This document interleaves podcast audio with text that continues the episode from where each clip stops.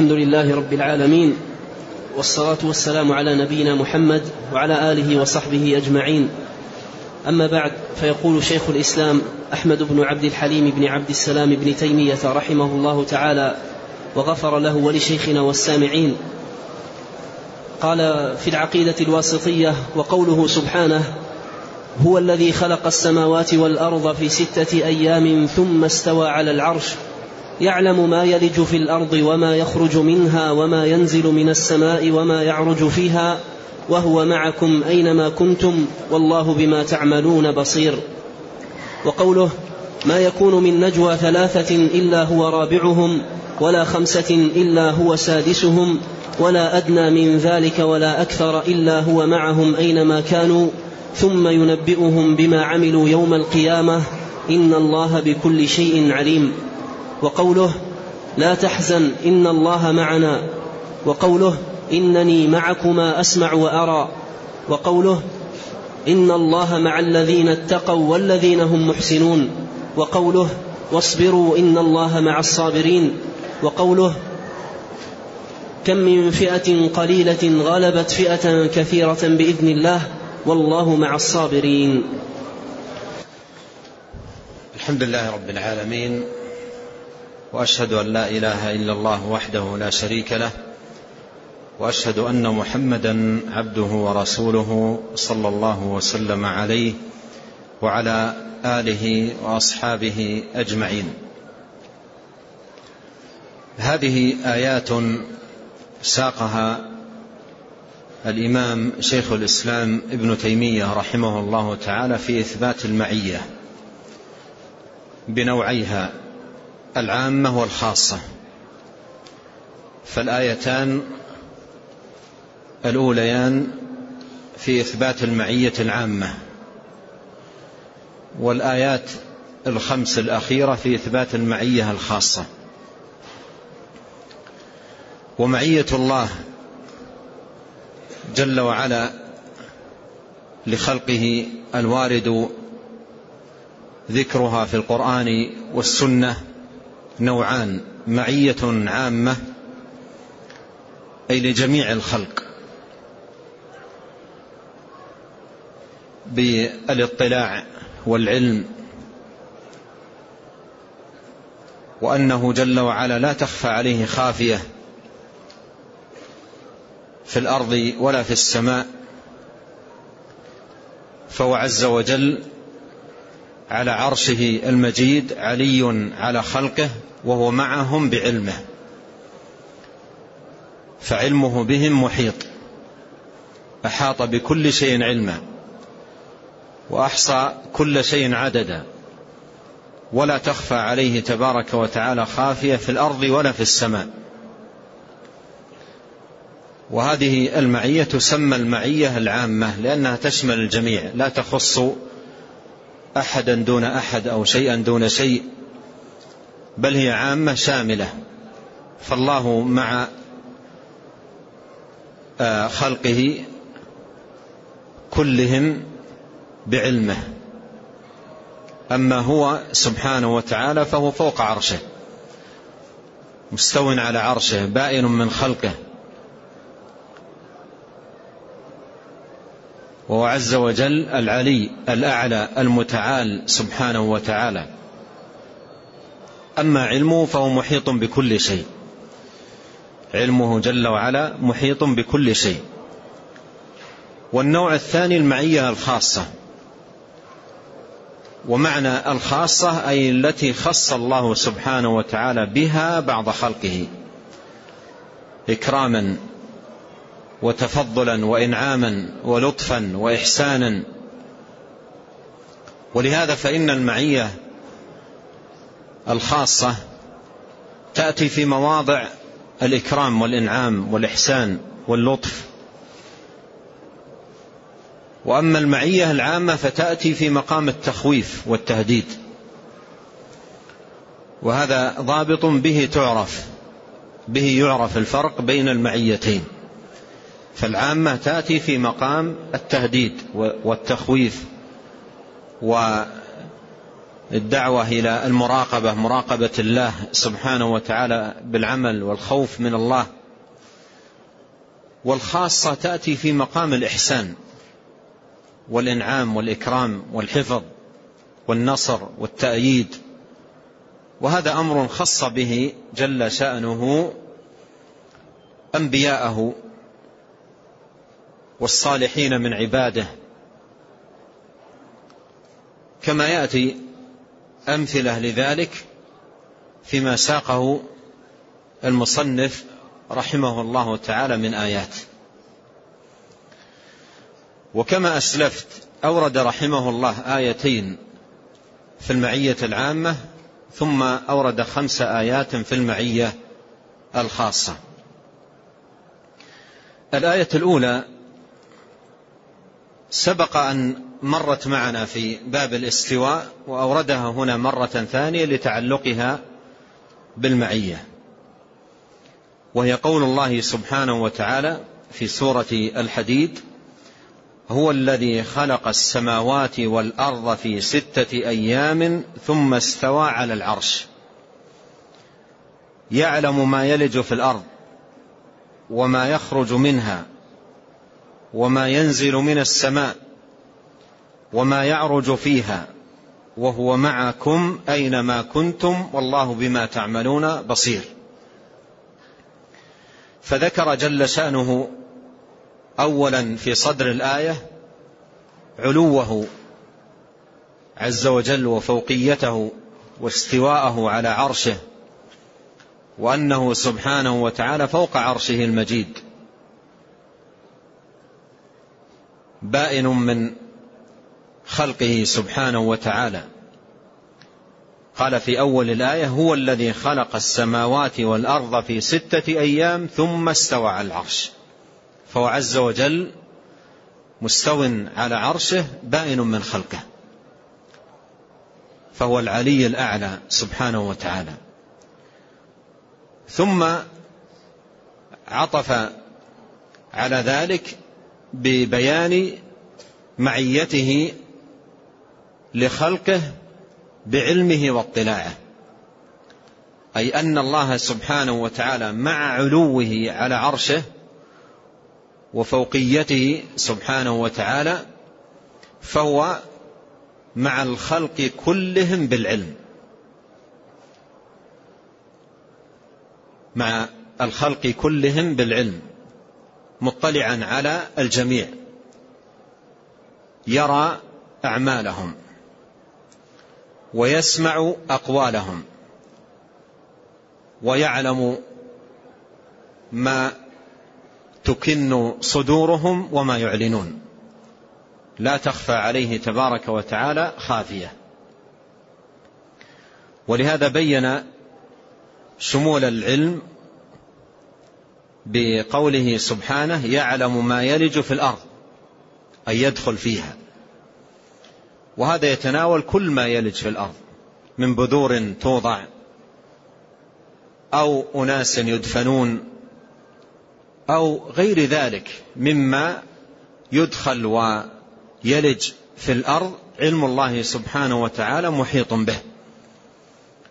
وأيضا حيوانات أو حشرات أو دواب أو غير ذلك تدخل الأرض تلج فيها تسكن ببطنها. علمه سبحانه وتعالى محيط بكل ما يلج في الأرض وما يخرج منها من عيون أو نبات أو أشجار أو غير ذلك وما يخرج منها وما ينزل من السماء من مطر وكذلكم نزول الملائكة وإنزال العقاب على من ينزله الله سبحانه وتعالى عليه وما ينزل منها وما ينزل من السماء وما يعرج فيها. يعرج أي يصعد ويعلو ويرتفع من عروج الملائكة وأيضا صعود الكلم الطيب إلى الله سبحانه وتعالى كما مر. كل ما يعرج ويصعد ويعلو إلى السماء فالله سبحانه وتعالى محيط به. وهذا التفصيل لبيان إحاطة علم الله. إحاطة علم الله سبحانه وتعالى وأنه محيط بكل شيء. محيط بكل شيء ما على ظهر الأرض وما ببطنها وما يصعد منها وما ينزل إليها فهو محيط بكل شيء. علمه سبحانه وتعالى جل شأنه محيط بكل شيء لا تخفى عليه خافية. قال وهو معكم أينما كنتم وهو معكم أينما كنتم وهو معكم. مع في الأصل تفيد مطلق المصاحبة لكنها في كل موضع بحسبه. ولهذا تختلف مع بحسب السياق الذي ترد فيه. وأنت عندما تتأمل في إطلاقات الناس لكلمة مع أو لفظة مع تجدها أنها في كل مرة اختلفت. تجدها في كل مرة اختلفت عن المعنى السابق. يعني مثلا إذا قال المسافر القمر معنا. هذا نوع.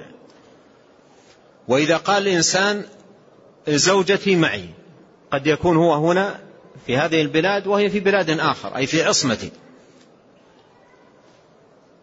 ويقول الآخر الحليب مع الماء. فتلاحظ أنها في كل موضع أعطت معنى. فإذا جاء شخص وقال إن المعية هنا تقتضي الاختلاط والامتزاج. فهذا من سوء فهمه وقلة درايته وعدم معرفته بمدلولات الألفاظ والكلمات. وها نحن نقول القمر معنا أو نقول القمر مع المسافر والقمر في السماء. والقمر في السماء. لم تقتضي هذه المعية امتزاجا أو اختلاطا. لكن كما قلت هي في كل موضع بحسبه. فقوله وهو معكم نريد أن نفهم نوع المعية المراد بالمعية هنا. ماذا نصنع؟ لا بد لفهم معنى المعية في كل موضع من فهم السياق الذي وردت فيه. لا بد في فهم المعية في كل موضع من فهم السياق الذي وردت فيه. فإذا فهم السياق فهمت المعية. وإذا تأملت السياق وتأملت السباق ما سبق وهو معكم واللحاق الذي لحق هذه الكلمة وجاء بعدها تجده كله في ماذا؟ في العلم. كله في العلم كله في العلم الاطلاع. ولهذا من سياق الآية علمنا أن قوله سبحانه وتعالى وهو معكم أينما كنتم أي بعلمه. ولهذا أجمع السلف من الصحابة والتابعين وغيرهم على أن المراد بالمعية في هذه الآية وكذلك الآية التي تليها من سورة المجادلة أن المراد بالمعية أي بعلمه. المراد بالمعية أي بعلمه. من أين هذا العلم بأن المراد بالمعية العلم؟ من السياق. ولهذا الإمام أحمد رحمه الله في رده على الجهمية. قال بدأ الخبر بالعلم وختمه بالعلم. هكذا قال رحمه الله. قال بدأ الخبر بالعلم وبدأه بالعلم.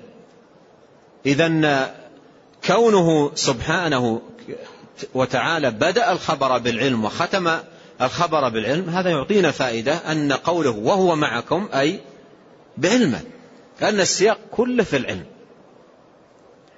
السياق كله في العلم. فقوله وهو معكم أينما كنتم أي بعلمه مطلع عليكم. يعلم ما يجري في الأرض. انتبه السياق. يعلم ما يجري في الأرض وما يخرج منها وما ينزل من السماء وما يعرج فيها. وهو معكم أينما كنتم. أي بعلمه. والله ما تعملون بصير. المطلع عليكم لا تخفى عليكم خافية. ماذا صنع الجهمية الضلال؟ ماذا صنعوا؟ انتزعوا هذا الموضع من الآية وجردوه مما قبله وما بعده وقالوا وهو معكم أينما كنتم دليل على أن الله في كل مكان. ألا ما أسفه العقول وأقبحها. يجرد الآية مما قبلها يجرد هذا الموضع مما قبله وما بعده يجرده من سياقه ثم يستدل به على باطله وعلى ضلاله وعلى معتقده الفاسد. ولهذا الإمام أحمد لما رد عليهم قال بدأ الخبر بالعلم وختم الخبر بالعلم. كيف تنزع الآية من موضعها ثم يستدل بها على قول باطل ومعتقد فاسد؟ فالخبر بدأ بالعلم وختم بالعلم. ولهذا السلف رحمهم الله مجمعون على أن المعية معية العلم. وقد حكى الإجماع على ذلك خلق من من العلم منهم ابن عبد البر وأبو عمر الطلمنكي والإمام بن كثير في تفسيره وعدد من أهل العلم حكوا إجماع السلف رحمهم الله تعالى على أن المعية هي العلم. أن المعية هي العلم. ولاحظ هنا ملاحظة مفيدة. صدر الآية صدر الآية الكريمة في إثبات ماذا؟ الاستواء. صدر الآية الكريمة في إثبات الاستواء. استواء الله سبحانه وتعالى على عرشه أي علوه عليه وفوقيته سبحانه وتعالى. ثم أتبع ذلك بالعلم. فإذا هذا الذي جاء بعد ذكر الاستواء كله سياق يتعلق بماذا؟ يتعلق بالعلم بما في ذلك قوله وهو معكم أينما كنتم. أما هو سبحانه وتعالى ففي صدر الآية أخبر عن نفسه بأنه مستوى على العرش. ولو تأملت الآيات التي ورد فيها الاستواء وهي سبع آيات مرت معنا قريبا أوردها شيخ الإسلام رحمه الله كاملة آه، جميعها ذكرها أو أشار إليها. لو, لو تأملت تلك الآيات تجد أن أغلبها جمع فيها بين ذكر الاستواء والعلم. كما في هذه الآية آية الحديد أغلب الآيات جمع فيها بين الاستواء والعلم. في سورة الرعد قال تبارك وتعالى الله الذي رفع السماوات بغير عمد ترونها ثم استوى على العرش ثم بعدها بآيات قال الله يعلم ما تحمل كل أنثى وما تغيض الأرحام وما تزداد وكل شيء عنده بمقدار عالم الغيب والشهادة الكبير المتعال سواء منكم من أسر القول ومن جهر به ومن هو مستخف بالليل وسارب بالنهار. أي هو سبحانه مستوى على عرشه كما ذكر في صدر الآيات وأولها ثم أتبع ذلك بذكر علمه وأنه مع خلقه بالعلم مطلع ويسمع أقوالهم يرى أعمالهم يعلم أفعالهم لا تخفى عليه تبارك وتعالى منهم خافية. في سورة الفرقان أيضا جمع بين الأمرين. قال وتوكل على الحي الذي لا يموت وسبح بحمده وكفى به بذنوب عباده خبيرا الذي له الذي خلق السماوات والأرض وما بينهما في ستة أيام ثم استوى على العرش الرحمن فاسأل به خبيرا. فذكر الأمرين. الاستواء والعلم. الشامل المحيط بكل شيء. في سورة السجدة في صدرها أيضا ذكر الأمرين معا. قال تبارك وتعالى الله الذي خلق السماوات والأرض وما بينهما في ستة أيام ثم استوى على العرش. ما لكم من دونه من ولي ولا شفيع أفلا تتذكرون؟ يدبر الأمر من السماء إلى الأرض ثم يعرج إليه في يوم كان مقداره ألف سنة مما تعدون. ذلك ذلك عالم الغيب والشهادة. ذلك أي الرب العظيم المستوي على عرشه المجيد عالم الغيب والشهادة. العزيز الرحيم. في سورة طه قال الرحمن على العرش استوى له ما في السماوات وما في الأرض وما بينهما وما تحت الثرى وإن تجهر بالقول فإنه يعلم السر وأخفى. وإن تجهر بالقول فإنه يعلم السر وأخفى. فأنت تلاحظ أن آيات الاستواء في الغالب جمع فيها بين الأمرين. ولهذا الإمام مالك رحمه الله آه، ينقل عنه في كتب الاعتقاد أنه يقول الله فوق العرش وعلمه في كل مكان. ذكر الأمرين معا. وهما أمران ذكرا في مواضع معا في القرآن كما أشرت إلى إلى ذلك بذكر الأمثلة. ذكر معا في مواضع من القرآن يذكر استواءه ويذكر معه علمه. فهذه الآيات كلها تدعو المؤمن يا من آمنت بأن ربك سبحانه وتعالى مستوى على عرشه بائن من خلقه جل وعلا أيضا آمن واعلم ويقن أنه سبحانه وتعالى مطلع على كل شيء. وهو فوق العرش. مطلع على كل شيء يعلم كل شيء. لا تخفى عليه تبارك وتعالى خافية. فهذا مقام يدعو كما نبه أهل العلم إلى الخوف. وإلى المراقبة وإلى حفظ الأعمال وحفظ الأقوال وتقوى الله سبحانه وتعالى والبعد عن الآثام والمعاصي. فإن ربك سبحانه وتعالى الذي خلقك وأوجدك جل شأنه مستوى على عرشه بائن من خلقه ومطلع على كل شيء. يراك يسمع قولك يعلم أعمالك وأحوالك لا تخفى عليه سبحانه وتعالى خافية. فهي في مقام الدعوة للإحسان المراقبة الخوف تقوى الله آه، سبحانه وتعالى. مثلها الآية التي في سورة المجادلة آه، فيها أيضا ذكر المعية العامة. فيها ذكر المعية العامة. قال ما يكون من نجوى ثلاثة إلا هو رابعهم. بدء الآية ألم تر أن الله يعلم ما في السماوات وما في الأرض؟ ما يكون من نجوى ثلاثة إلا هو رابعهم ولا خمسة إلا هو سادسهم ولا أدنى من ذلك ولا أكثر إلا هو معهم. أينما كانوا. إلا هو معهم أينما كانوا. ثم ينبئهم بما عملوا يوم القيامة إن الله بكل شيء عليم. الخبر بدأ بما وختم بما. بدأ بالعلم وختم بالعلم. إذا قوله آه إلا هو معهم أينما كانوا إلا هو معهم أينما كانوا أي بعلمه. ولهذا نقلت لكم عن الإمام أحمد رحمه الله تعالى في رده على الجهمية قال بدأ الخبر بالعلم وختمه بالعلم. فإذا المعية هنا معية العلم.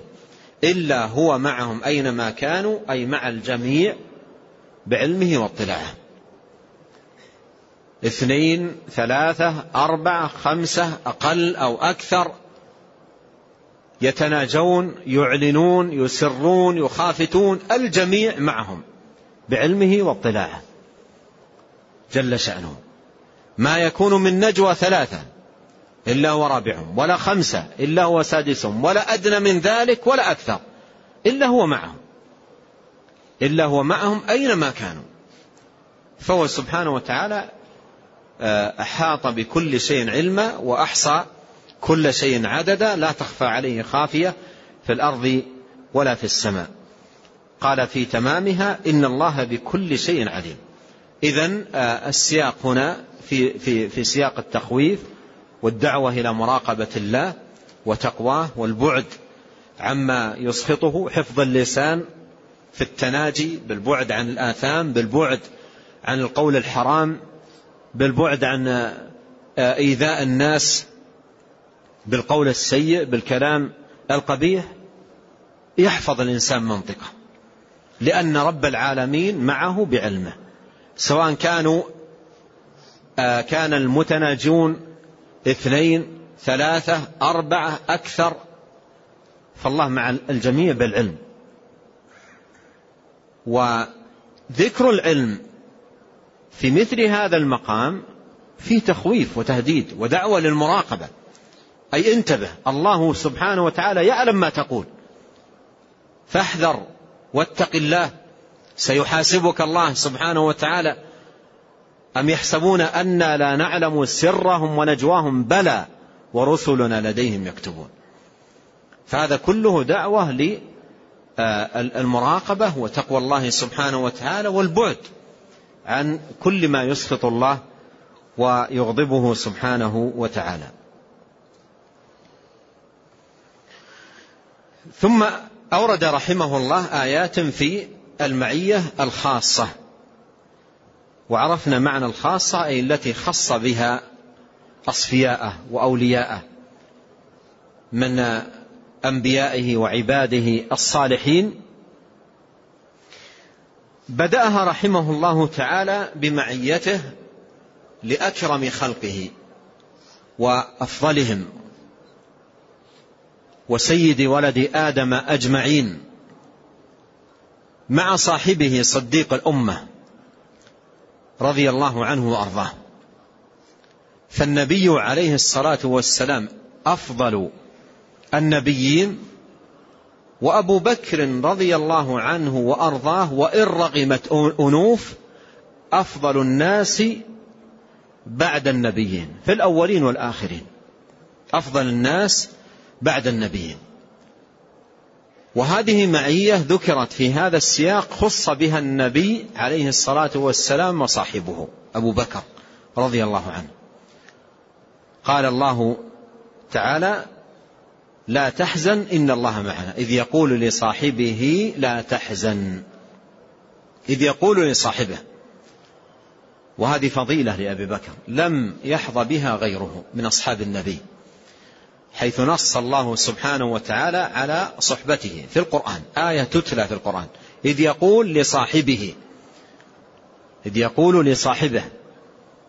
وهذه الصحبة للنبي عليه الصلاة والسلام بدأت من أول الدعوة من أول الدعوة إلى آخر لحظة من حياة النبي صلى الله عليه وسلم وهو صاحب النبي عليه الصلاة والسلام في صحبة النبي في نصرة النبي صلى الله عليه وسلم في الشد من أزره في معاونته في ملازمته صلوات الله وسلامه عليه. فهذه منقبة آه، تميز بها رضي الله عنه وأرضاه. إذ يقول لصاحبه لا تحزن. وهذا القول الذي قاله النبي عليه الصلاة والسلام لصاحبه أبي بكر كان في وقت الهجرة. وقت الهجرة. لما هاجر عليه الصلاة والسلام هو أبو بكر. عندما هم المشركون به ليثبتوك أو يخرجوك أو يقتلوك ويمكرون ويمكر الله والله خير الماكرين. فخرج ليلا هو أبو بكر. صلوات الله وسلامه عليه ورضي عن أبي بكر وعن الصحابة أجمعين. وخرج المشركون في طلبهم. فذهب عليه الصلاة والسلام إلى غار إلى غار ثور واختفى فيه هو أبو بكر رضي الله عنه ثلاثة أيام حتى يخف الطلب. وجاء المشركون حول الغار. حتى جاء في الصحيح من حديث أنس أن أبا بكر قال له لو نظر أحدهم تحت قدميه لرآنا.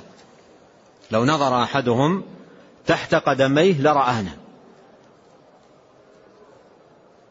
وهنا خاف أبو بكر رضي الله عنه وحق له ذلك خوفا شديدا على النبي عليه الصلاة والسلام من هؤلاء الأعداء الذين سعوا في طلبه لقتله فخاف خوفا شديدا على النبي وأصابه حزن وخوف على النبي صلوات الله وسلامه عليه فكان صلى الله عليه وسلم يطمئنه ويقول له لا تحزن لا تحزن إن الله معنا.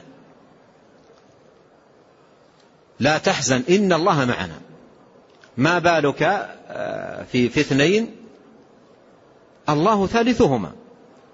اثنين الله ثالثهما. ثالثهما بالنصر والحفظ والتأييد والتوفيق والإعانة. قال لا تحزن إن الله معنا. إن الله معنا. أي معنا معية خاصة تأييدا وحفظا ونصرا وإعانة وصدا لعدوان المعتدين وبغي الباغين. إن الله معنا. ولهذا أعمى الله سبحانه وتعالى أبصارهم ما رأوا النبي عليه الصلاة والسلام وهو قريبا منهم. يقول لو نظر أحدهم تحت قدميه لأبصرنا.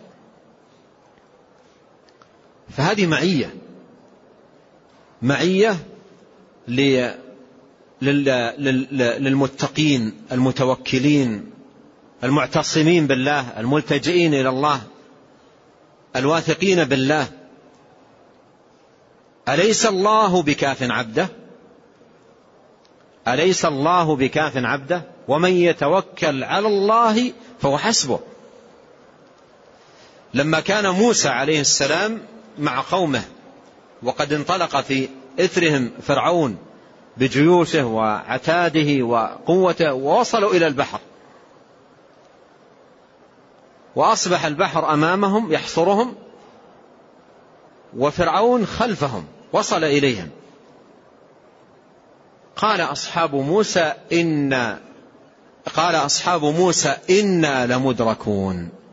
قال أصحاب موسى إنا لمدركون. يعني البحر أمامنا والعدو ها هو وصل. ولا وليس عندنا قوة نقاوم بها هذا العدو.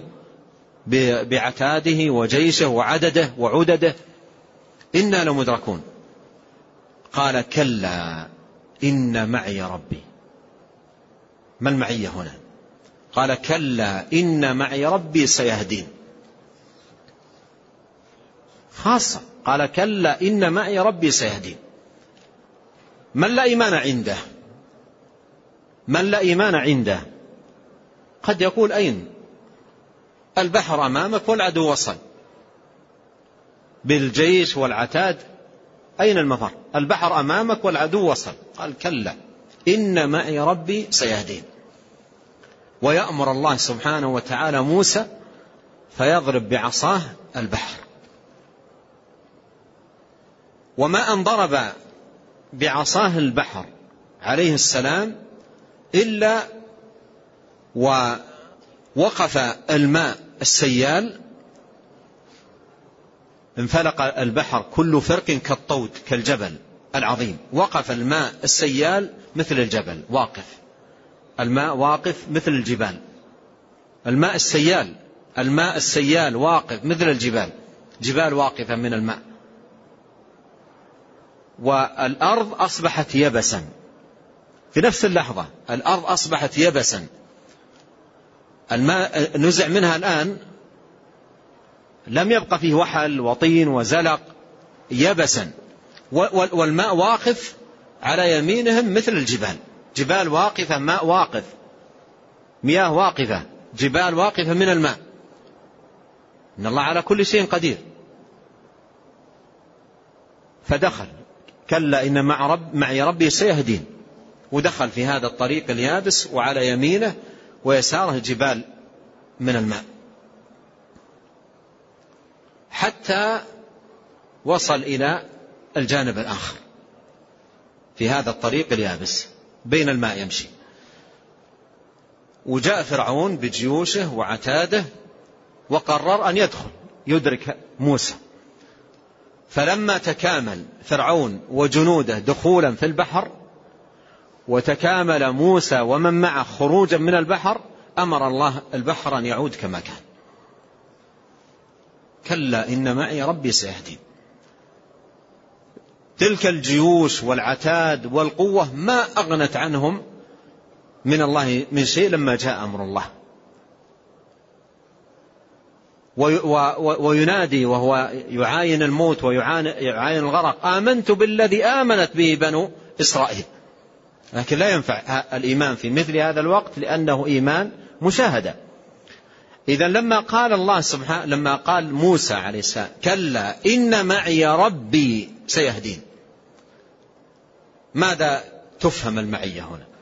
وهل المعية هنا هي المعية التي قال عنها جل شأنه في الآية السابقة إلا هو معهم أينما كانوا هل هي؟ تلك معية عامة للجميع بالعلم والاطلاع. وهذه معية خاصة بها أصفياء. قال كلا إن معي ربي.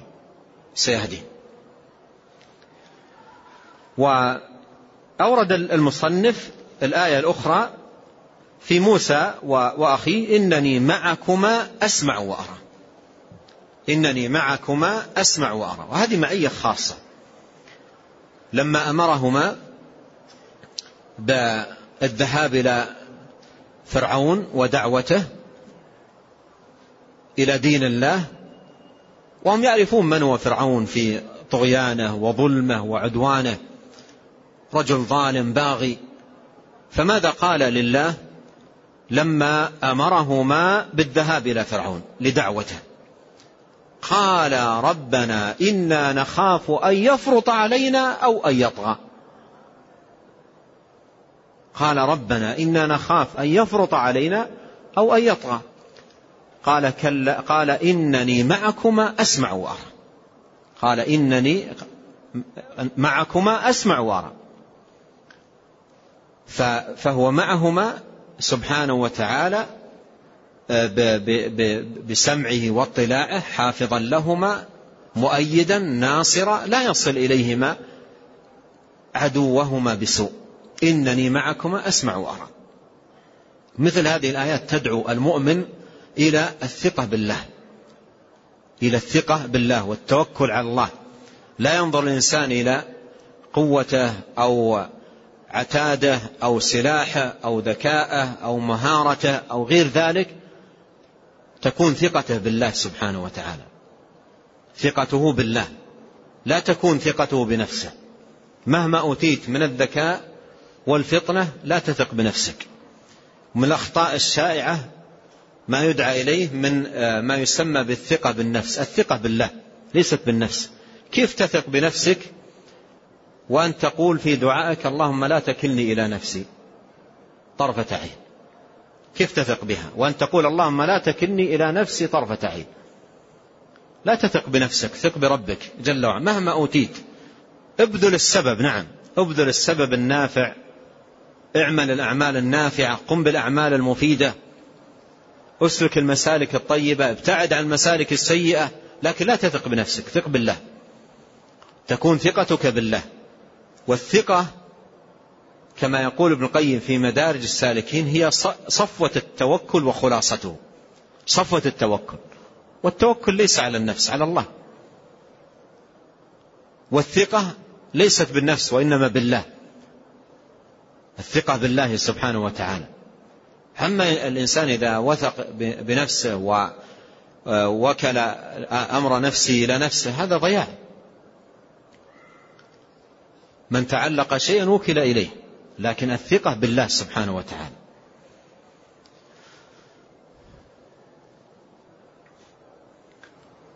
ثم أورد قول الله سبحانه إن الله مع الذين اتقوا والذين هم محسنون. إن الله مع الذين اتقوا وهذه أيضا معية خاصة. إن الله مع الذين اتقوا والذين هم محسنون. مع أهل التقوى وأهل الإحسان معية خاصة بالحفظ والتأييد والنصر. الذين اتقوا أي اتقوا الله سبحانه وتعالى وخافوا عقابه فأطاعوه وامتثلوا أمره واجتنبوا نهيه. وتقوى الله سبحانه وتعالى هي العمل بطاعة الله. على نور من الله. رجاء ثواب الله وترك معصية الله على نور من الله خيفة عذاب الله. والمحسن هو الذي يتقن العمل. الإحسان هو الإتقان والإجادة. والإحسان هو أعلى درجات الدين. وأرفعها. وقد بينه النبي عليه الصلاة والسلام بقوله أن تعبد الله كأنك تراه. فإن لم تكن تراه فإنه يراك. فهؤلاء المتقين المحسنين في عبادة الله وفي طاعة الله الله سبحانه وتعالى معهم. معهم حفظا توفيقا تسديدا.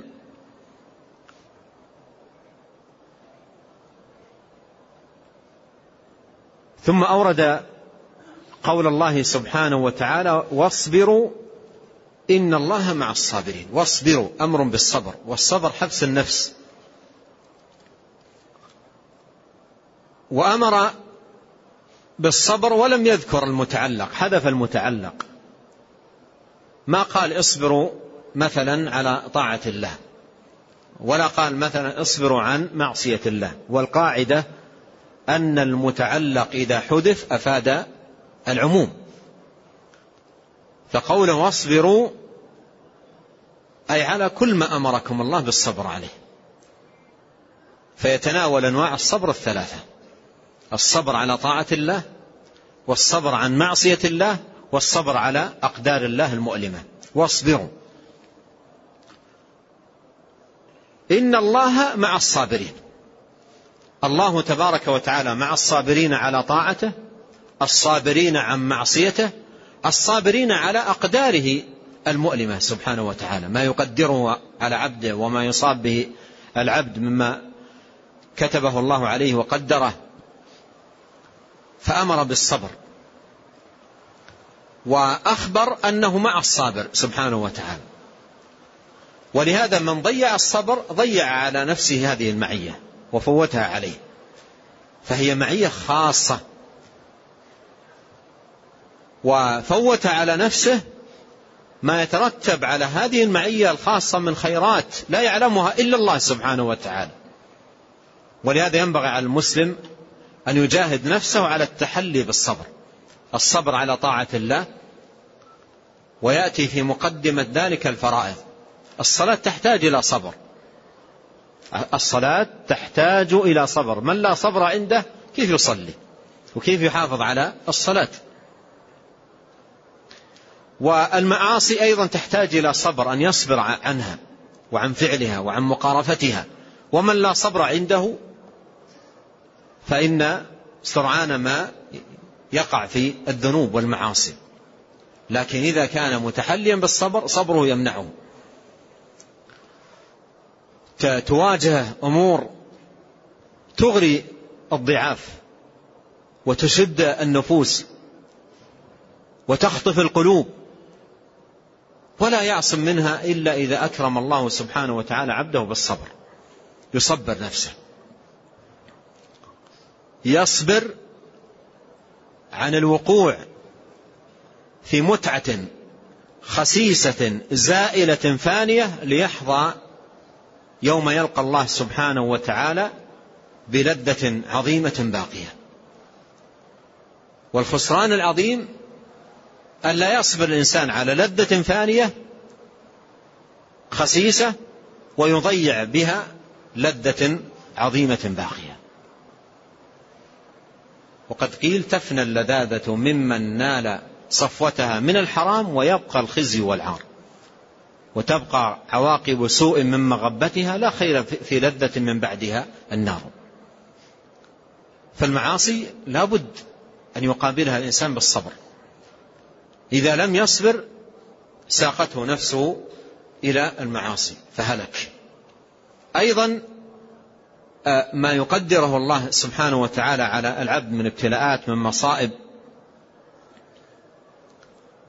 ولنبلونكم بشيء من الخوف والجوع ونقص من الأموال والأنفس والثمرات وبشر الصابرين. الذين إذا أصابتهم مصيبة قالوا إنا لله وإنا إليه راجعون. أولئك عليهم صلوات من ربهم ورحمة وأولئك هم المهتدون. نعم العدلان ونعمة العلاوة يقول عمر بن الخطاب رضي الله عنه وأرضاه.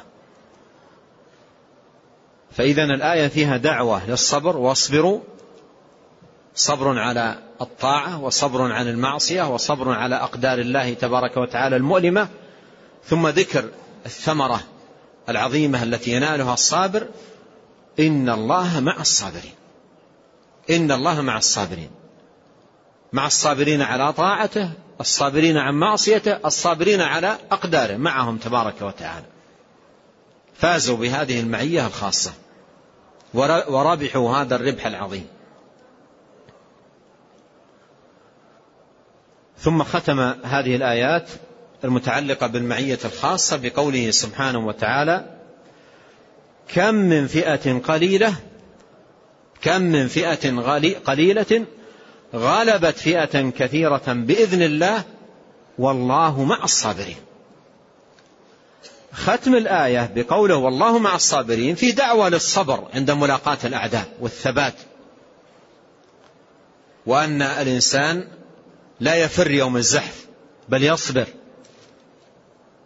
وله هذا الموعود الكريم والله مع الصابرين.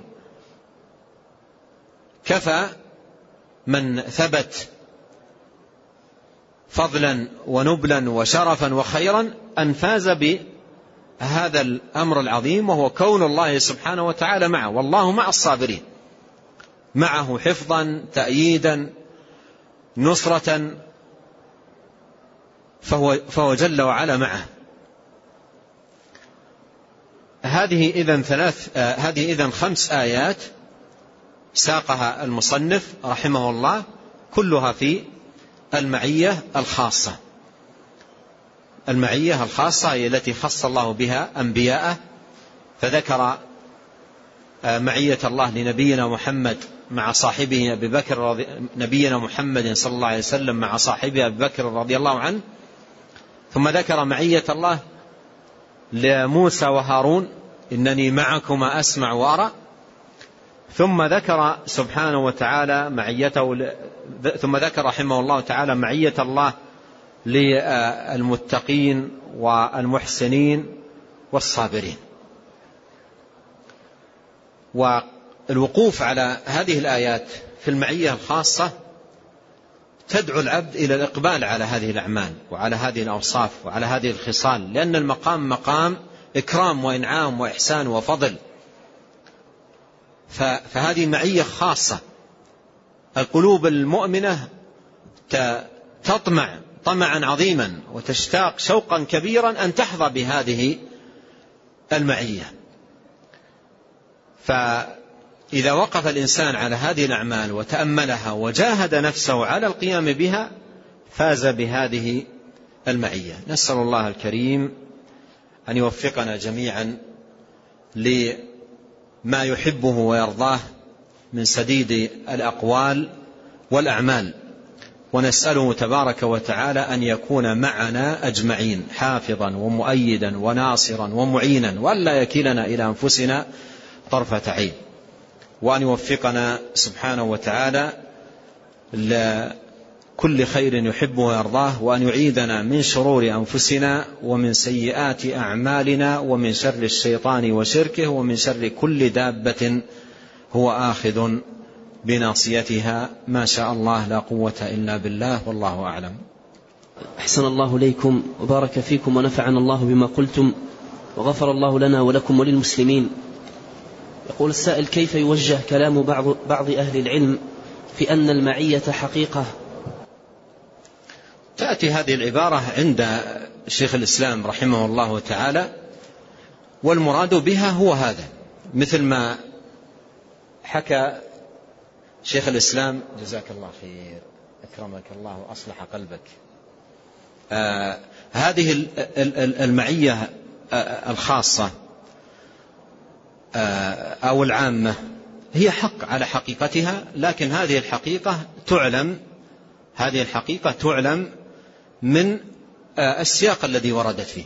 فالمعية العامة حقيقتها علمت من السياق والمعية الخاصة أيضا حقيقتها علمت من السياق.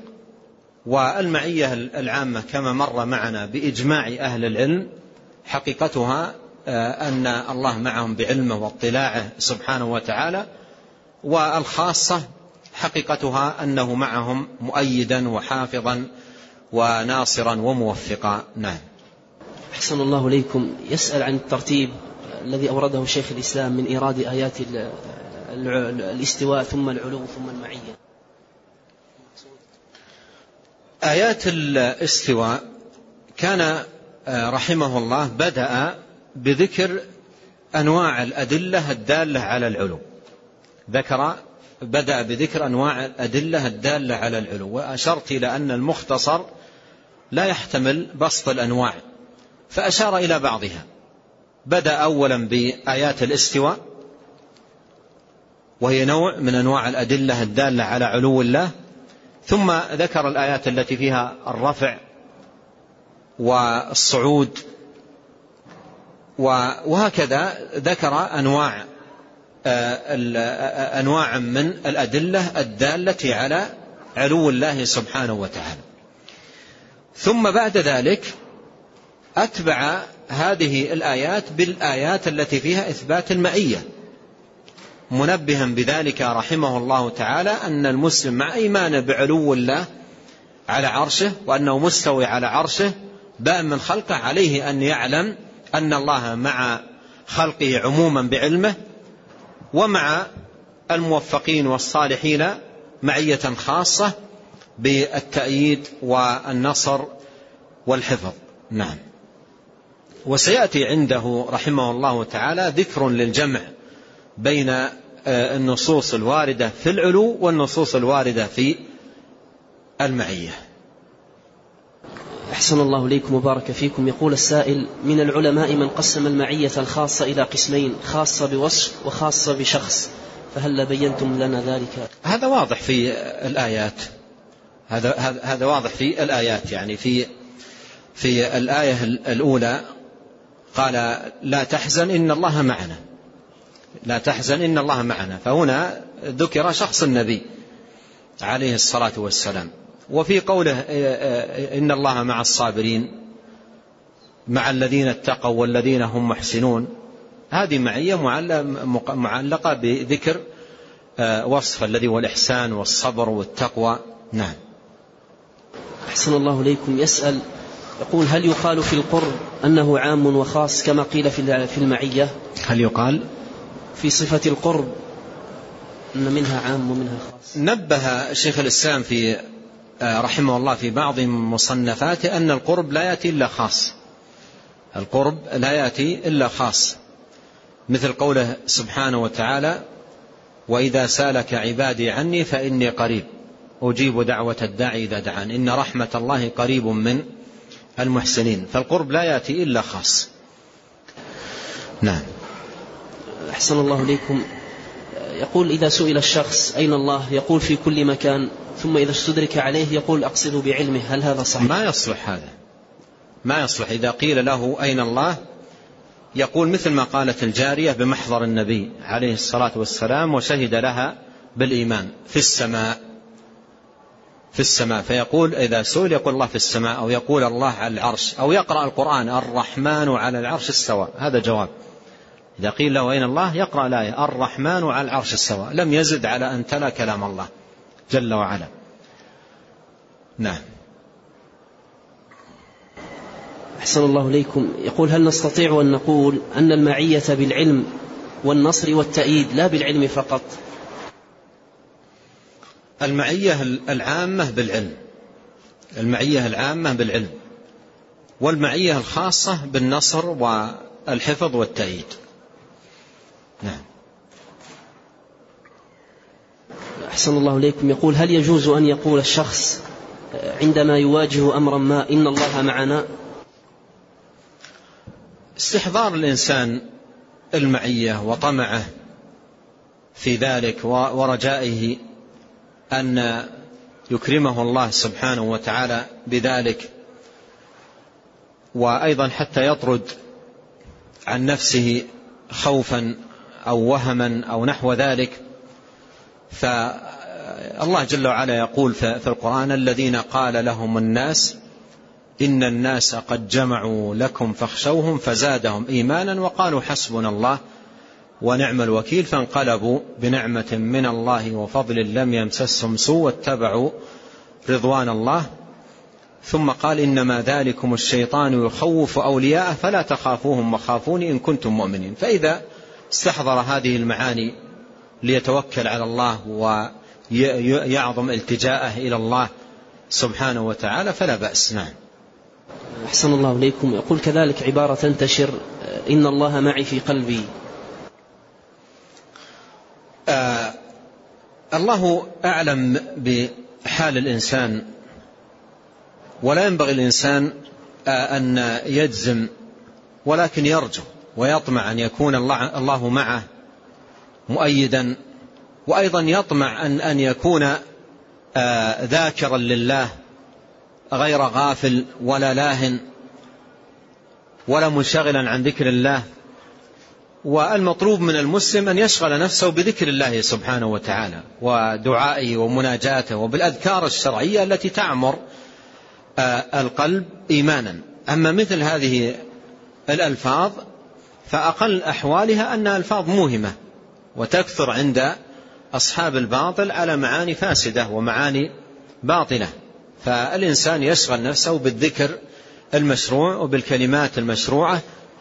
كحسبي الله توكلت على الله لا حول ولا قوة إلا بالله سبحان الله والحمد لله ولا إله إلا الله والله أكبر ونحو ذلك مما أثر وورد. نعم. في الدرس الأسبوع القادم من السبت إلى الأربعاء إن شاء الله نقرأ في الوصية الصغرى لشيخ الإسلام ابن تيمية. له رحمه الله وصيتان مطبوعتان.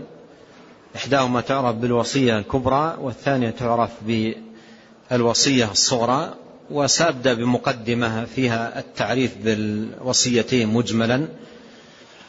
ونقرأ في الوصية الصغرى لشيخ الإسلام ابن تيمية رحمه الله تعالى.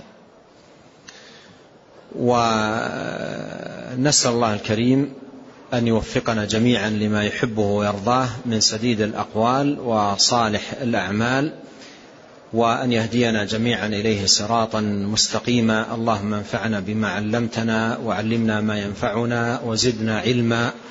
اللهم أعنا ولا تعن علينا وانصرنا ولا تنصر علينا وامكر لنا ولا تمكر علينا واهدنا ويسر الهدى لنا وانصرنا على من بغى علينا. اللهم اجعلنا لك شاكرين لك ذاكرين إليك أواهين منيبين لك مخبتين لك مطيعين.